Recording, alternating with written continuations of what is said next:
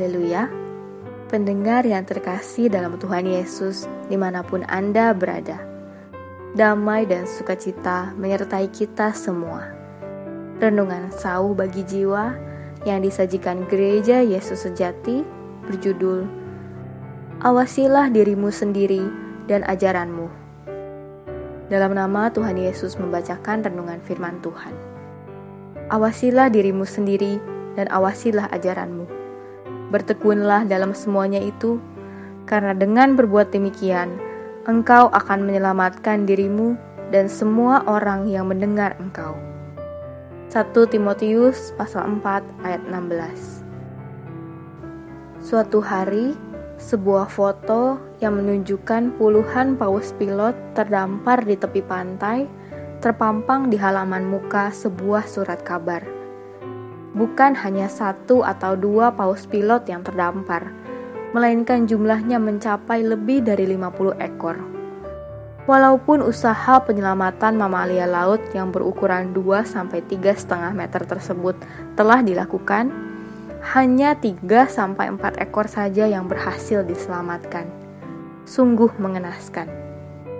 Di dalam berita tersebut, ada sebuah catatan yang cukup menarik dikatakan bahwa sejumlah paus pilot yang telah dievakuasi ke tengah laut itu kembali lagi ke tepi pantai. Tidak masuk akal, bukan? Seharusnya paus-paus pilot yang telah dievakuasi itu bisa pergi ke perairan yang lebih dalam lagi sehingga mereka dapat tetap hidup. Tetapi entah mengapa mereka malah kembali lagi ke tepi pantai. Ternyata hal ini berkaitan erat dengan karakter paus pilot yang hidup berkelompok dengan sistem hierarki. Dalam satu kelompok paus pilot, terdapat satu paus pemimpin yang tindakannya akan selalu diikuti oleh anggota kelompoknya. Jika sang paus pemimpin terdampar ke pantai karena suatu sebab, maka tindakan ini pun akan diikuti oleh seluruh anggota kelompoknya mereka akan mendamparkan dirinya ke pantai. Sesungguhnya ada kemiripan antara sifat paus pilot tersebut dengan manusia. Manusia pun memiliki kecenderungan untuk mengikuti orang yang ia kagumi atau hormati, sosok yang ia anggap sebagai pemimpin dalam hidupnya. Rasul Paulus menyadari betapa pentingnya peran seorang pemimpin rohani ini di dalam jemaat. Jika seorang pemimpin rohani sampai tersesat, maka jemaat yang dipimpinnya pun akan mengalami nasib yang sama seperti para paus pilot yang terdampar di pantai tersebut. Oleh karena itulah ia memberikan nasihat kepada Timotius agar Timotius mengawasi dirinya sendiri dan ajarannya dengan tekun. Pada masa itu, ajaran-ajaran sesat sudah mulai muncul di dalam gereja. Ada orang-orang yang mengajarkan ajaran yang bertentangan dengan Injil Kristus, sehingga mengacaukan jemaat Allah.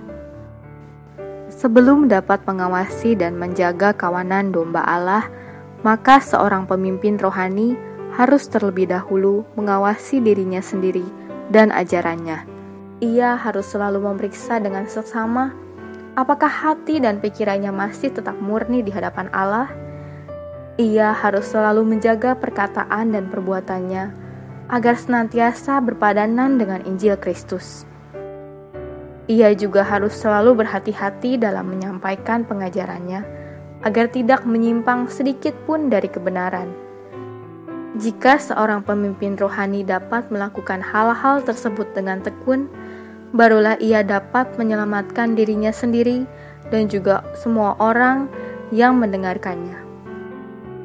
Ketika kita membaca 1 Timotius pasal 4 ayat 16, apakah kita berpikir bahwa nasihat Rasul Paulus ini hanya berlaku bagi mereka yang menyandang status tertentu di dalam gereja, seperti hamba Tuhan, pekerja kudus, ataupun para pengajar? Mari kita renungkan kembali. Kepada siapakah Tuhan Yesus memberikan amanat untuk pergi dan menjadikan semua bangsa muridnya? Bukankah kepada setiap orang yang telah menjadi muridnya? Jika demikian, kita semua yang saat ini telah menerima anugerah keselamatannya, sesungguhnya juga memiliki tanggung jawab sebagai seorang pemimpin rohani. Kita harus memimpin orang lain kepada Tuhan Yesus. Oleh karena itu, saudaraku, marilah kita mulai mengawasi diri serta ajaran kita. Tuhan Yesus menyertai kita semua. Amin.